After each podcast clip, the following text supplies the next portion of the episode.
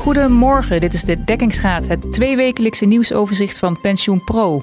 Het is donderdag 21 juli en ik ben Ilse Akkermans. Pensioenuitvoerder AZL kiest als leverancier van een nieuwe pensioenadministratie voor het Deense bedrijf Vestina, net als eerder pensioenuitvoerder APG. AZL denkt daarmee goedkoper en sneller af te zijn dan met het aanpassen van het eigen bestaande systeem. Pensioenfonds IBM heeft vorig jaar de inflatieafdekking verhoogd van 75% tot 100%. Daardoor kan het de komende decennia de pensioenen volgens doelstelling indexeren. En in het nieuwe pensioenstelsel zien pensioenfondsen de kosten eerder gelijk blijven dan dalen, blijkt uit onderzoek van KPMG. Twee jaar geleden voorspelden topbestuurders van APG en PGGM nog flinke kostendalingen. Met mij in de studio zijn Maarten van Wijk, hoofdredacteur van Pensioen Pro en redacteur Tjibbe Hoekstra. Welkom. We praten hier nog even over door. De kosten in het nieuwe pensioenstelsel zullen eerder gelijk blijven dan dat ze zullen dalen, denken pensioenfondsen. Eerder waren er bestuurders die juist kostendalingen verwachten. Een bijstelling van de verwachting dus. Maarten, waar heeft dat mee te maken? Ja, dat weten we niet precies, want dat is ook niet gevraagd eigenlijk in die enquête van, uh, van KPMG. Maar je kan er wel een, uh, slag naar slaan. Uh, die voorspellingen van hoge kostendalingen die zijn eigenlijk vorig jaar uh, gedaan door de CEO's zeg maar, van APG en PGGM. Um, nou, wat is in de tussentijd gebeurd? Er is vooral wetgeving is er verschenen in meer detail. En nou, daar is wel een klacht over dat die wel heel erg gedetailleerd geworden is van de pensioenfederatie en FNV klagen daarover. Dat geldt voornamelijk voor die solidaire premieregeling. Dus een van de regelingen van het nieuwe stelsel. Ja, en dat zou wel eens een goede reden kunnen zijn waarom uh, die kosten dan misschien toch niet zoveel dalen als ze in de eerste instantie hadden verwacht. Want APG en PGM hadden destijds ook bijgezegd dat eenvoudige regelingen wel echt een voorwaarde waren voor die voorste kostendalingen die zij hadden voorspeld. Ja, en het nieuwe pensioenstelsel moest ook voor de deelnemers eenvoudiger worden. Dat blijkt niet zo uit te pakken. Wat maakt het nou precies zo ingewikkeld? Um, ja, nou ja, het, uh, het is met name de solidaire regeling die heel erg ingewikkeld is. Je hebt de flexibele premieregeling, dat is in feite gewoon een, ja, een eenvoudige DC-regeling, zoals die eigenlijk al wel op zich bekend is. Uh, de solidaire premieregeling is eigenlijk een nieuw soort regeling. Het moet een ja, aan de ene kant moest het eigen potjes hebben. Aan de andere kant moest het ook solidair zijn. Dat was belangrijk voor de vakbonden. Want um, dan kan je er ook, uh, als het solidair is, dan kan je bijvoorbeeld ook verplicht gesteld uh, houden. Uh, en ze moesten dus eigenlijk iets maken wat nog niet um, bestond. en dat is een solidaire regeling geworden met één ongedeeld vermogen, wat dan op virtuele wijze wordt toegedeeld met een beschermingsrendement en met een, een overrendement. Um, en ja, dat is uiteindelijk een behoorlijk ingewikkeld uh, uh, apparaat uh, is dat geworden. je, moet, je hebt heel veel soorten verschillende buffers. Je moet mensen opdelen in leeftijdscohorten van maximaal vijf jaar. er zit ook een hoop verantwoording in. Allerlei dingen moeten uitgelegd worden. Als je een risico toedeelt of rendementen toedeelt aan verschillende groepen, dan moet je er allerlei weer stukken bijvoegen van waarom je dat doet, zeg maar, als fonds. Um, dus ja, het is gewoon in dat wetgevingsproces is dat uh, nogal ingewikkeld uh, uh, geworden. Um, ja. ja. dat kost meer werk of het is, het is ook een systeemaanpassing? Zijn um, kosten mee ja, dat, dat, dat kost aan alle kanten kost dat meer werk, want de systemen moeten dat inderdaad kunnen uitvoeren en systemen moeten dus daar ook speciaal voor gemaakt worden. Er zijn eigenlijk geen standaard systemen beschikbaar die zoiets zomaar kunnen uitvoeren. Dus dat is één. Uh, maar je hebt ook zeg maar, het governance aspect. Uh, dus alle verantwoording, zeg maar. Dat zijn ook toch mensen die dat moeten doen. Actuarissen en bestuurders en uh, ja, alle andere juristen en de andere hulpjes die ze hebben bij pensioenfondsen. Hm. Er moeten stukken geschreven worden en berekeningen worden gemaakt. dat kost tijd en geld. Ja. En KPMG deed het onderzoek onder 59 pensioenfondsen. Ongeveer een vijfde verwacht wel lagere kosten. Is, is daar iets over te zeggen? Is er een, een type fonds of, uh, of regeling dat in het nieuwe stelsel met juist hogere of lagere kosten te maken heeft? Of is dat voor iedereen uh, globaal ja. hetzelfde? Nou, het is in dit stadium nog wat moeilijk te zeggen. Um, je zou wel zeggen dat het misschien bij bedrijfstakfondsen wat, nog wat duurder zou kunnen uitpakken, omdat zij uh, over het algemeen ook over die solidaire regeling zullen gaan. En die dus ook als ingewikkelder wordt beschouwd. En sowieso hebben bedrijfstakfondsen, daar zijn de pensioenregelingen vaak onderdeel het, resultaat van een vrij uitgebreid onderhandelingsproces tussen diverse vakbonden en werkgeversorganisaties. Uh, en dat zijn onderhandelingen waar dan compromissen uitkomen. Soms wat moeizame compromissen met overgangsregelingen. Dat bepaalde oudere werknemers bijvoorbeeld dan nog iets krijgen. Um, en ja, daar wordt het niet. eh, Die, die onderhandelingen leiden vaak niet tot eenvoudige resultaten of eenvoudig uitvoerbare resultaten. Dus daar hebben uh, BPF wel een handje van om het ingewikkeld te maken. Um, het zou kunnen dat ze dat natuurlijk bij de nieuwe stelsel, dat ze dat dan, dan daadwerkelijk wel eenvoudigen. Want daar is wel een grote roep om, maar dat weten we nog niet. Dus uh, ja, misschien wordt het bij BPF wat duurder. Anderzijds, hoe groter een fonds, uh, hoe over meer mensen de kosten kunnen verdelen. En dan heb je natuurlijk uiteindelijk lagere kosten. Dus ze zijn natuurlijk over het algemeen wel wat groter dan ondernemerspensioenfondsen. Dus misschien hebben dan die bedrijfstakfondsen uiteindelijk toch weer lagere kosten om die reden. Ja. Uh, maar het is nog een beetje koffiedik kijken dus. Oké, okay, en, en, merken deelnemers nog iets van dat verschil van, van de kosten? Uh, hoe hoger de kosten, uh, hoe meer naar pensioen je uiteindelijk overhoudt. Ja. Oké, okay, dankjewel Maarten. De deelnemers van pensioenfonds IBM zitten in ieder geval goed, want dat fonds heeft vorig jaar de inflatieafdekking verhoogd van 75% naar 100%. Daardoor kan het de komende decennia de pensioenen volgens doelstelling indexeren, heeft het bekendgemaakt. Um, dat klinkt mij goed. Chibbe, jij hebt dit gevolgd. Hoe bijzonder is het dat een pensioenfonds dit doet? Dat is, uh, heel bijzonder, zeker uh, omdat ze dat al voor de komende decennia zegt uh, te kunnen doen. Mm-hmm. Um, er is nog niet één. Ja, veel pensioenfondsen hebben dit jaar wel de pensioenen verhoogd. Maar dat was op zich niet, een, niet heel erg moeilijk, omdat ze dat grotendeels hebben gedaan uh, volgens de inflatie van vorig jaar. Dus daar kwam er maar, uh, die was dan rond de 2%. Dus dat, dat viel nog wel mee. Maar er is nog geen pensioenfonds geweest dat nu al heeft gezegd dat ze sowieso de volledige inflatie van, uh, van dit jaar gaan compenseren. Van, van ja, die nu zo rond de 10% ligt. Yeah. Dus dat is wel, wel heel bijzonder. Uh, er is wel één kanttekening bij te plaatsen, namelijk dat uh, IBM niet als doelstelling heeft om de volledige inflatie te, te compenseren, mm. maar, maar drie kwart daarvan. Ja, precies. Ja, het is drie kwart van de consumentenprijsindex, hè, zeiden ze. De prijzen stijgen momenteel hard, dat zei je al. De inflatie is, is erg hoog. Hoe doen ze dat dan, die inflatie afdekken? Ja, dat doen ze met, uh, vooral met inflatiegerelateerde obligaties. Mm -hmm. Dat zijn dus staatsobligaties van, van landen met een iets lagere rente dan, uh, dan normaal. Maar daarbovenop um, is wel een belofte om, um, om de inflatie te compenseren. Ja. Dus de, dan, um, Nederland geeft zelf geen inflatie-gerelateerde obligaties uh, uit. Dus de Nederlandse inflatie kun je niet afdekken. Mm -hmm. Maar dat, kan, ja, dat doet IBM via andere Europese, Europese obligaties. Dus van Duitsland, van Italië, van Frankrijk. Ja. En, en dit jaar ligt in, in, in ieder geval in Italië en Duitsland de inflatie ongeveer op hetzelfde niveau als in Nederland. In Frankrijk is die wel iets lager. Ja, precies. Verder en... doen ze dat nog via met inflatieswaps. Dat is iets vergelijkbaars, maar dan koop je zeg maar de inflatie van over een x aantal jaar koop je in. En daar betaal je een bepaald, bepaald bedrag voor. Mm -hmm. Premie. En pensioenfonds IBM, ze bouwen sinds 2018 het beleggingsrisico af. Is, begrijp ik goed dat, dat uh, die inflatieafdekking, dat dat daarvan een onderdeel is? Mm, niet direct, omdat um, inflatieafdekking is wel een doelstelling van, uh, van IBM, maar het heeft in principe niet te maken met het, met het beleggingsrisico. Mm -hmm. uh, ze hebben die, um, die inflatieafdekking verhoogd door uh, gewone staatsobligaties uh, in te ruilen voor, uh, voor inflatiegerelateerde obligaties. Mhm. Mm -hmm. Dus een derde van de, van de portefeuille van het fonds bestaat nu uit die inflatiegerelateerde portefeuilles, obligaties. Sorry. Ja, ja, oké. Okay. En dat is, ja, er is geen enkel fonds dat relatief zoveel belegt in, in dit soort obligaties. Um, IBM kan dit ook doen, omdat het een relatief klein fonds is. Fonds het ABP of PFZW, die, ja, daarvoor is de markt van dit soort obligaties te klein om, om, een, om, om inflatie veel af te dekken. Dus die kunnen dat eigenlijk ook niet, niet eens doen. Ja.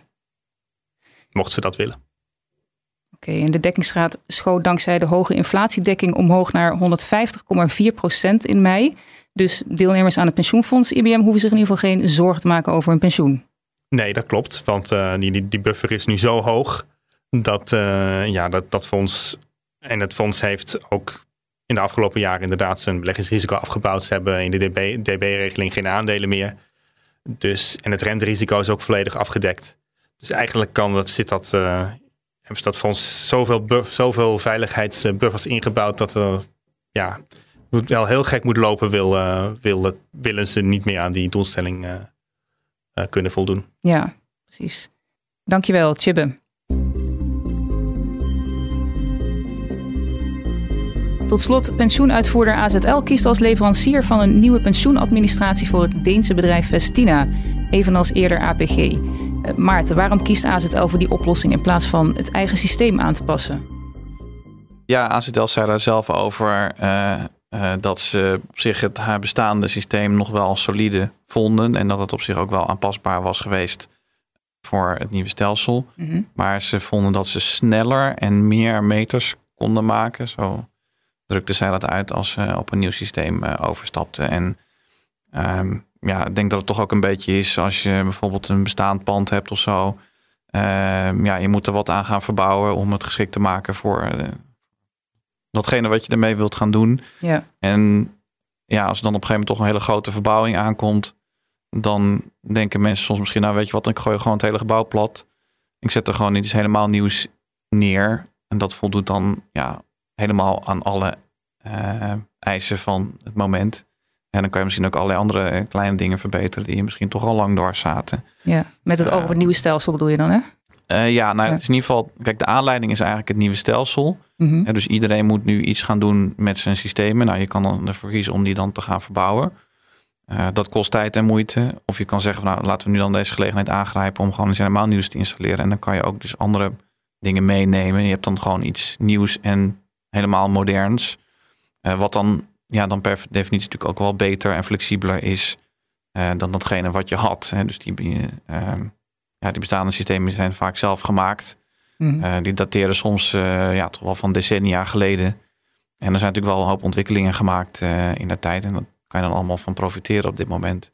En dan kunnen fondsen bijvoorbeeld ook, of nou uitvoerders moet ik zeggen, die kunnen dan bijvoorbeeld ook allerlei andere dingen doen die ze ook graag willen. Ik noem maar wat, um, dat je snel en makkelijk een aanpassing kan maken in de toekomst. De nieuwe systemen zijn vaak flexibeler. Mm en bijvoorbeeld zijn die systemen dan ook misschien geschikter om moderne dingen te doen met apps en uh, websiteportalen. Dat deelnemers ook uh, zelf meer kunnen regelen voor een pensioen. Want pensioenfondsen lopen het over het algemeen een beetje achter daarmee. Met je bankapp eh, kan je ontzettend veel doen.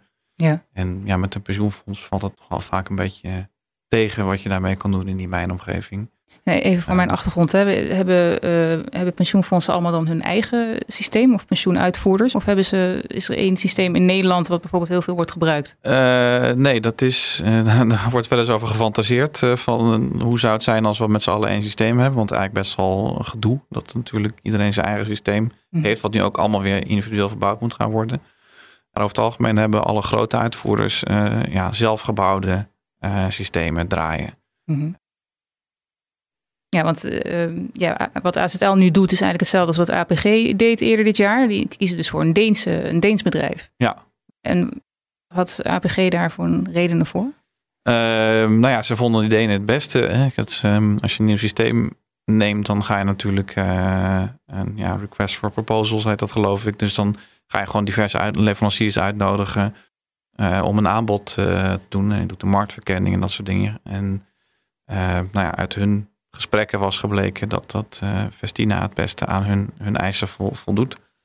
Dat was wel enigszins verrassend uh, in twee opzichten. Uh, de eerste was natuurlijk van APG met name omdat het gewoon heel een groot bedrijf is met nou, duizenden werknemers. Mm -hmm. ja, een soort ministerie van pensioenen, zeg maar. En die hebben ook altijd traditioneel een eigen systeem wat ze gebruiken voor APP. En dat zij dan dat dan toch niet zelf gaan doen, hè, maar zo'n kritisch proces dan uitbesteden. Dat was al wel enigszins bijzonder. En dan helemaal bijzonder dat het dan naar een Deens bedrijf gaat, inderdaad. Ja. En dat het niet, hè, want Nederland is ook het pensioenland bij uitstek. Ja. Uh, dus ja, wel gek dat je dat dan aan een buitenlandse partij vraagt. Ja, het is inderdaad dus een buitenlands bedrijf. Nederland heeft al een heel eigen pensioenstelsel. Kan dat uh, een buitenlands bedrijf dit stelsel in Nederland wel goed genoeg kennen, zeg maar, voor een soepele overgang? Nou ja, ze zeggen uh, van wel. In ieder geval, Denemarken heeft ervaring met DC-regelingen, waar wij in Nederland ook naartoe overgaan.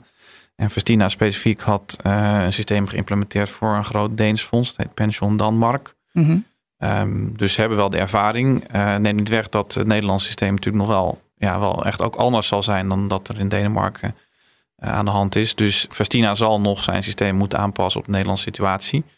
en daar krijgen ze dan weer hulp van bij APG. Dus ze gaan dat de komende periode gaan ze dat, ja, saampjes gaan ze dat implementeren. Dus Vestina zal die kennis ook moeten gaan opbouwen, inderdaad. Ja. En zijn er nog risico's aan als je de pensioenadministratie eigenlijk van miljoenen deelnemers uit handen geeft aan een buitenlandse partij? En dan denk ik aan ja. uh, verschillen in wetgeving of, of communicatie, misschien nog andere dingen. Nou, ik denk niet dat er heel specifieke risico's zijn aan een buitenlandse partij. Eerlijk gezegd, ja, als, als ze nou uit China waren gekomen of zo, dan had ik me misschien wat meer zorgen gemaakt. Maar uh, ja, zeg al dat Denemarken is natuurlijk een land wat uh, met een vergelijkbare cultuur heeft met Nederland. Dat werd zowel door ACTL als APG genoemd. Mhm. Eh, ja, ook een grote pensioenfondssector, ervaring met DC, dat soort zaken. Um, er zijn natuurlijk altijd risico's verbonden aan uitbesteden van zaken. En dat kan natuurlijk altijd zijn dat een leverancier, dat er bij de leverancier iets misgaat, of dat de leverancier failliet gaat of ermee stopt. Dat is ook wel geregeld gebeurd de afgelopen tijd. Mm -hmm. Uh, maar dat kan met een Nederlandse partij net zo goed gebeuren, dus als één. Uh, en ook aan, je kan dan zeggen van nou, misschien kan je het beter in eigen hand houden. Um, maar dan, ook daar zijn risico's aan verbonden, want dan moet je dus zelf hè, op eigen kracht je systeem gaan verbouwen. Nou, en dat, uh, dat soort grote ICT-projecten, dat wil ook nog wel eens uit de hand lopen. Dus ik denk dat er niet een risicoloze aanpak bestaat voor zoiets. Ja, en APG zei vorige maand te hopen dat Vestina meer Nederlandse klanten zou krijgen. Waarom zou dat goed zijn? dat heeft ermee te maken dat nou ja, als Vestina meer klanten heeft in Nederland, dan kunnen ze ook uh, de ontwikkelkosten natuurlijk spreiden over meer uh, klanten. Dus dat zou dan nou, misschien ook nog voordelig kunnen uitpakken voor de klanten. En waaronder APG. Ja, dat is ook gewoon goed in algemeen. Kijk, APG neemt nu Vestina en ze zijn dan toch wel van plan om daar dan de komende nou, misschien al decennia klant te blijven. Dat, dat, dat is een beslissing neem je voor echt voor lange tijd. Um, en dan is het fijn als die uh, uitvoerder ook voor lange tijd gecommitteerd is aan het ontwikkelen van zijn systeem. En dat, is, uh, dat wordt bevorderd uh, doordat als ze meerdere klanten hebben en een soort van vaste voet aan de grond. Hè? Want er zijn ook wel eens uitvoerders geweest die op een gegeven moment zijn begonnen in Nederland. En dan op een gegeven moment dan toch onvoldoende klanten hebben, waardoor ze het niet rondgerekend krijgen. En op een gegeven moment trekken ze zich weer terug uit de markt. En dan heb je een probleem. dus um, ja, In die zin is het voordelig voor APG als Vestina echt voet aan de grond krijgt in Nederland. Ja, begrijpelijk. Is ook al bekend hoe andere pensioenuitvoerders hiermee omgaan? Ja, bijna alle pensioenfonds, alle uitvoerders zijn bezig met een systeemvernieuwing. Um, en er zijn dan een hoop daarvan die ook wel gekozen hebben voor echt een nieuw, het is heel anders dan wat ze nu hebben. Uh, naar ASTEL en APG dus hebben we gehad. Uh, Achmea eh, die stappen over op een systeem wat heet RAP. Dat is ontwikkeld door in Admirisco. Dat is een Nederlands bedrijf. Daar is al wel al wat vertraging opgetreden in de opleving van het nieuwe systeem. Dus daar zie je ook al dat het met een Nederlandse partij dat je ook al tegen dingen kan aanlopen. Nog niet van alle uitvoerders is dat precies bekend eh, wat ze gaan doen. Ja, en, en gaat ze het op, op tijd halen voor het nieuwe systeem? Dat hopen we. We gaan het zien. Dankjewel, Maarten van Wijk en Tjibbe Hoekstra. Dit was de dekkingsraad van Pensioen Pro met de laatste ontwikkelingen in de Nederlandse pensioen- en beleggingssector. Op pensioenpro.nl lees je meer. Fijn dat je luisterde, een fijne dag en tot de volgende keer.